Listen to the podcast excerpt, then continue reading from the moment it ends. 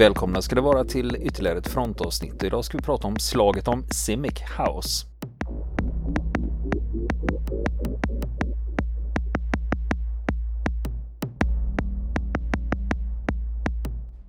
Och nu fortsätter vi berätta historien om slaget vid Simic House. Nu är klockan fyra på eftermiddagen. Den här striden pågick i fyra timmar. Men nu ser hela Semik för jävlig ut. Det är kulhål och splitterskador överallt. Och delar av barackerna är helt förstörda.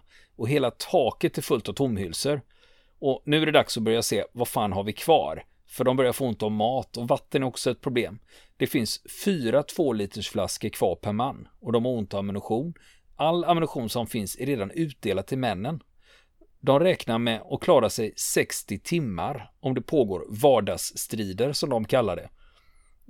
Men om det blir ett stort anfall, då pallar man inte 60 timmar, utan då är det Just kortare. Det. de blir tvungna att förklara det här för Captain Curry, att situationen är så här. Vi kan klara oss med normalstrider i 60 timmar, men sker det ett stort jävla anfall, då är det kortare. Mm. Och då säger Curry att ja, då får väl vi bli hämtade då. Men nu är det ju så att det är svårt att få dit en konvoj. Och basen är det med Abunaji, de får de här nyheterna. Och Abunaji säger att ja, men vi sätter ihop en konvoj som står beredda ifall Curry meddelar att de håller på att bli överkörda. Och nu är det ju lite nervspel här liksom. Ska man hålla nerverna i styr eller ska man, ska man stå kvar eller ska man vika? Just det. Men inom en timme så kommer meddelandet att ja, men vi kör upp med en konvoj med förnödenheter. Och ni ska bli avlösta. Vi kommer att behålla Simic. Det kommer inte att bli en reträtt. Aha. Och de har ju varit med länge och de har haft tuffa strider. Och det förbandet som ska ta över, det är Royal Welsh Fusiliers. Mm. Men ändå kan de känna sig lite så här att okej, okay, vi utrymmer ju inte Simic och lämnar över den till fienden, utan vi blir avlösta och byggnaden ska vara kvar i brittiska händer. Och då tycker man ändå att, ja men då är det väl okej. Okay. Eh, att då, så vi liksom har kämpat med flaggan i topp så att vi inte bara lämnar ifrån oss det Och dessutom så visste de att eh, någon gång måste de ju ändå lämna. Men hade soldaterna själva fått välja hade de faktiskt hellre stannat kvar. Mm. Men å andra sidan, de är slitna och grejerna håller på att ta slut och de ser för jävliga ut. Det är sömnbrist och de är skitiga som fan. Men det finns en poäng här att britterna förlorar inte ansiktet inför fienden. Utan de behåller ju fortfarande Simic. Just det. Och soldaterna säger, en av soldaterna på Simic kan säga så här, fuck it, allt bra måste ju sluta någon gång. Och samma dygn så utsätts de för granatkastareld. Men det blir inga anfall. Bara prickskytteeld på det. Mm. Och nu får de order om att hålla igen på elden. För de har begränsat med ammunition. Och eh, eh eftersom de vet om att nu ska vi ta oss därifrån. Va? Nu måste eh, kvartermästaren på Simic rapporterar till bataljonens kvartermästare eh, vad som har gått förlorat i striderna och hur mycket ammunition de har gjort åt.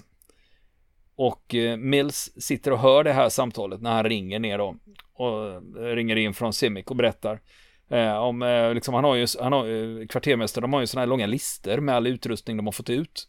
Så ska de då liksom bocka av liksom vad som finns kvar och inte då. Just det. Och det samtalet, det är ju lite speciellt. Eh, så det första han ringer från Simic berättar han, ja, de, vi hade fått ut bajamajor här, de är sprängda allihop. Jaha. Ja, och fordonen då, ni fick ju med en massa fordon, vad har hänt med dem? Ja, vi, vi, vi hade ju tio stycken, en är kvar i drift, de andra är sprängda. Och vi fick också ut en civil med luftkonditionering. Den är också sprängd. Eh, sen köket, det är sprängt. Satellitantennerna är sprängda. Generatorerna är sprängda. Ja. Stängslen är sprängda. Ja, säger kvartermästaren, ni hade ju begärt ut två båtar för ni skulle kunna agera från, från floden. Vad har hänt med dem liksom? De är också sprängda. Ja. Och kvartermästaren i Abunaja, han blir ju tokig och säger så här, vad fan det är skattepengar vi pratar om, jag är inte nöjd. Kan det här verkligen stämma att allting ni har kvitterat ut är förstört? Och då så säger kvartermästaren på Simic att ja, vi vänder på det så här istället. Eh, istället för att jag rabblar upp vad som är sprängt så är det lättare att säga vad som är helt. Men för att, för att sammanfatta att allting här är sprängt eller skadat av splitter. Mm. Och så kommer man ju då ner till, ja men eh, ammunition då? Jo, vi har gjort slut på 33 000 patroner. Men eh, nu kan jag säga så här, 33 000 patroner, är det liksom full strid så är det väl ja. ganska rimligt. Ja, precis, så. men han fick väl lätt hjärtklappning där, den kvartermästaren. Ja, för eh, de här grejerna kostar ju pengar va. Och de skickade till Alamara och där sprängs det va. Och, men nu finns det en plan då för den här, uh, det här bytet av uh, besättningen på Simic. Och det är att 21.45 då ska konvojen starta nere i Abu Naji och klockan 21 är soldaterna i Simic packade och klara. Och, och nu vet man ju att det har, det har ju varit tufft då. Så att nu blåser man på rejält med fordon.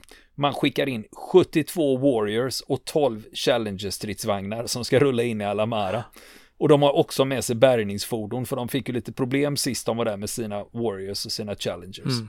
Och det är alltså att britterna har samlat ihop allting de kan få tag på i fordonsväg när det gäller Warriors och Challengers. Och om det kommer 12 tunga stridsvagnar rullande, det är ingen dålig syn. Och den här planen, den är ganska enkel. De ska köra raka vägen in i Alamara och då ska man köra över norra flodstranden, över bron och till Semik. Mm. Problemet är ju här att norra flodstranden hålls av fienden. Eller ja, hela stan hålls ju av fienden i och för sig. Så man tänker att det borde gå bra till en början, men de vet att sista biten till Simic, där blir det alltid strid. Och sen har vi Welsh Royal Fusiliers som ska sitta av och leverera förnödenheter och avlösa. Och de hör i Simic, när konvojen rullar upp, att den blir ju attackerad så fort den kommer in i staden. Och konvojen fortsätter köra och öppnar eld och det är full strid hela vägen genom stan. De skjuter sig fram genom stan. Och när de från Semic får se konvojen närma sig så ser de de 12 stridsvagnarna komma först. Och om du då ska ha 12 Challengers och 72 Warriors, den här konvojen är två kilometer lång, för de kör med 25 meters lucka. Mm. Och när de rullar in, det dånar i hela staden. Men fienden blir överraskad och lyckas inte sätta upp några riktiga eldöverfall. Och stridsvagnarna har nu tagit sig fram till brofästet vid, vid Tigris och det är en kilometer till fots mellan Semik och konvojen. Och de ska ta sig över en damm över Tigris för att komma till Semik. Och då ska ju Fusiliers in och Princess of Wales Royal Regiment ska ut. Och det här sker då till fots. Och Fusiliers, de ska ta med sig sina förnödenheter själva. De får alltså bära. Och de tar med sig grejer för att klara sig en hel månad utan stöd. Och på Semik är de på helspänn. Men det händer inget. Major Featherstone är tillbaka och ska leda Fusiliers och först ska alla Fusiliers in och sen får Princess of Wales Royal Regiment lämna. Och det är lite eldgivning men annars är det ingenting. Och instruktionen är att om ni blir beskjutna, släng grejerna, gå i skydd, ta striden. Och när de går så väntar de på granatkastarna. Men det blir ingen granatbeskjutning. De tar sig över den här dammen till fordonen, de klättrar in i Warriors och konvojen börjar rulla ut. Mm. Och på vägen ut så är det mindre motstånd och alla fordon klarar sig ut ur Alamara den här gången då. Och Princess of Wales Royal Regiment, de känner ju sig som segrare här. De kunde hålla Simic och 4.30 på morgonen så rullar de in i Abunaji och nu är det dusch, mat och sömn som gäller. Och Simic det utsätts fortfarande för granatkastare och finkalibrig eld men det blir inga kraftiga anfall mer. Och efter några dagar när Royal Fusiliers har varit på Alamara så eh, börjar lugna det ner sig och det blir till och med eldupphör. För i södra Irak så fanns det en mäktig imam, han heter Al-Sustani. Eh, han var ganska moderat och han var inte så fientligt inställd till koalitionsstyrkorna. Så 25 augusti tar han sig från Basra till Najaf och Al-Sadr eh, lyder och lugnar ner sig. Och Al-Sustani ber Al-Sadrs soldater att dra sig tillbaka från Najaf och säger att amerikanerna och britterna ska göra detsamma. Och det blir en kompromiss där uppe i Najaf så att ingen tappar ansiktet. Och Al-Sadr han ber sina soldater att lägga ner vapnen. Så 28 augusti då lägger även Al-Sadrs soldater i Alamara ner vapnen. Och då blir det ett eh, avtal om eldupphör i alla fall. Huh. Så då har det lugnat ner sig. Mm. Men sen har vi Princess of Wales. När de var på Semic, det var 23 dagar. De, blev utsatt, de fick 595 granater skickade mot sig under 230 granatanfall. De blev utsatta för 57 RPG-attacker och 5 stycken 107 mm raketer. Och de var inblandade i 25 eldstrider ute i staden och det var 86 anfall mot Simic House. Och eh, de hade ju gjort slut på 33 000 patroner och där räknar de också med att ja, men vi, det var ju, vi hade ju också en 250 eh, kilos bomb från flygplanet. Den får vi ju räkna med. Ja. Den var ju Ja. så att säga, det var vi som begärde in Ja, den. precis. Men det är också det att, men de har inte kunnat räkna stupade fiender. Men under belägringen, de här 23 dagarna, då räknar man med 150 stupade fiender. Mm. Eh, men, men de här siffrorna kan ju diffa något så otroligt för att de vet ju inte. Va? Nej, precis. Så det finns siffror som eh, går bra mycket högre än det. Och sen hade man ju eh, det här, deras kompani som var där, de hade ju en stupad och sex allvarligt sårade. Men sen var det också 22 civila i stan som dog av granater från fienden. Och det hade blivit vapenvila i södra Irak här. Och den håller. Och efter förhandlingar med al-Sadrs män om den lokala vapenvilan, då får de höra, när de efteråt liksom snackar om det här, då får de höra att fienden hade trott att Semik försvarades av en skvadron från SES. Alltså runt 65 elitsoldater. Här var det istället två plutoner från infanteriet plus den administrativa personalen från hemvärnet. Så det var så snacket gick bland fienden, att det var SES de hade slagits mot dem.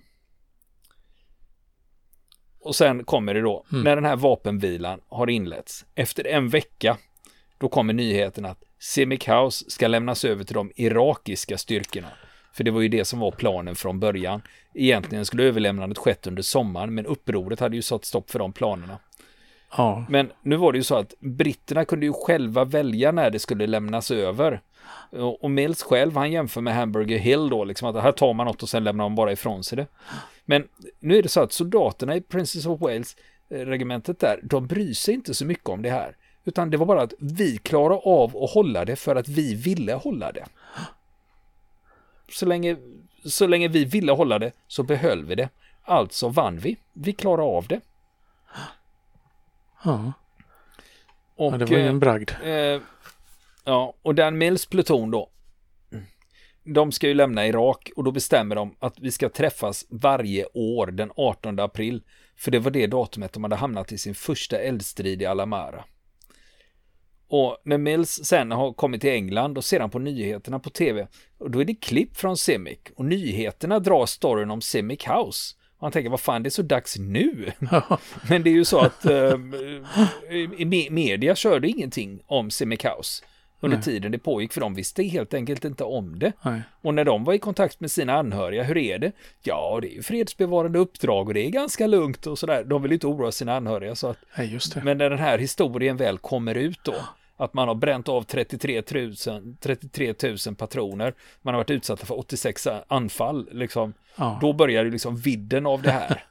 börjar läcka ut. Ja, och när, Sjunka in. Ja, och när Mills, när Mills har kommit hem till England, när han ser på nyheterna, han sitter på en pub när han ser det här, de här klippen från, eh, på tv då, Ja. då ser han till och med ett klipp av sig själv när han sitter och kör granatkastare från taket. Bara, det är ju jag! och sitter och Ja. kör granatkastare i flipflops. och plutonen, de skulle ju träffas den 18 april varje år. Och det gjorde de faktiskt. Ja. Så de börjar med den traditionen att varje år den 18 april, då träffas vi. Och sen om man då ska sätta in den här belägringen i ett sammanhang så är det den längsta strid som brittiska styrkor har utkämpat sedan Korea och det längsta belägringen av brittiska styrkor sedan andra världskriget. Mm. Och i mars Det är väl 2005 inte så lite. Eh, då, blir, då får ju en av soldaterna där ett eh, Victoria Cross, Beharry. Det är en, eh, en som har stupat. Han var inte, stupade inte på Simic, men eh, han får det postumt. Men sen får man också två Conspicuous Gallantry, 10 stycken Military Crosses och 17 stycken Mentioned in Dispatches. Och två stycken Distinguished Service Orders. Det är medaljregn där ja. Mm. Ja, visst verkligen. Eh, det gjorde det. Mills han blev också, eh, han fick en mention in dispatches eh, personligen då. Och eh, det här, precis som du säger, medaljregn. Det blev 37 medaljer och utmärkelser. Och det gjorde att det här regementet blev det mest dekorerade förbandet i brittiska armén i modern tid. Mm. Och, och Mills själv, han säger liksom att ja okej, det kan man ju förstå, men samtidigt, det skulle lätt kunna vara det dubbla med tanke på vad som skedde där. Mm. Just det. Och en av soldaterna som var i Y-kompaniet, eh, han hade ju tänkt eh, på sikt att söka till SES, för SES rekryterar ju från, eh, från de brittiska förbanden. Men han, efter det här med Semikaus, så lägger han ner planen på att söka till SCS. För han tycker, det jag sökte till armén för, det har jag upplevt. Och när det gäller strid, vad fan finns det som skulle kunna toppa det här? Det spelar ju ingen roll vad jag gör. Det går ju inte, det, det, går inte att hamna mer i skiten än vad vi gjorde. Nej, precis. Ja, Mills han fortsatte ja, några år till i militären.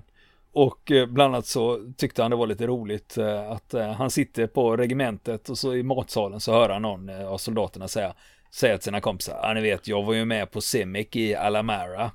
Det var tufft. Så kollar Mills på den här soldaten, har aldrig sett honom före hela sitt liv. Det var de som bara satt och snackade skit. Ja, och det är ju det som är mytbildning när folk börjar. Ja du, jag var med på Semi-kaos. Det är liksom. Just det. Uh, och, och, de här historierna florerar uh, och berättelserna uh, om de som var där berättar ju och så sprids det vidare så det blir ju lite varianter på det där vad som egentligen hände. Och det är då som Mills bestämmer sig för att skriva boken Sniper One för att berätta att det var det här som hände. För att liksom berätta helt uppriktigt och ärligt. Det här var vad som skedde på Simic House. Mm. Den boken där, kan du rekommendera den eller? Ja, jo men det är ju full eh, action. Det är ju så här att britterna har ju en förkärlek för sina militära styrkor och gärna vill de ha action. Och det här börjar ju egentligen med Bravo 2 Zero och Andrew McNabb. Och sen dess har det ju varit liksom en liten ström av eh, böcker som har kommit. Och eh, de är ofta intressanta, de är sakliga och sen måste det eh, nästan, man, det, man måste få in lite action också för det är ju det som folk som läser det här vill ha.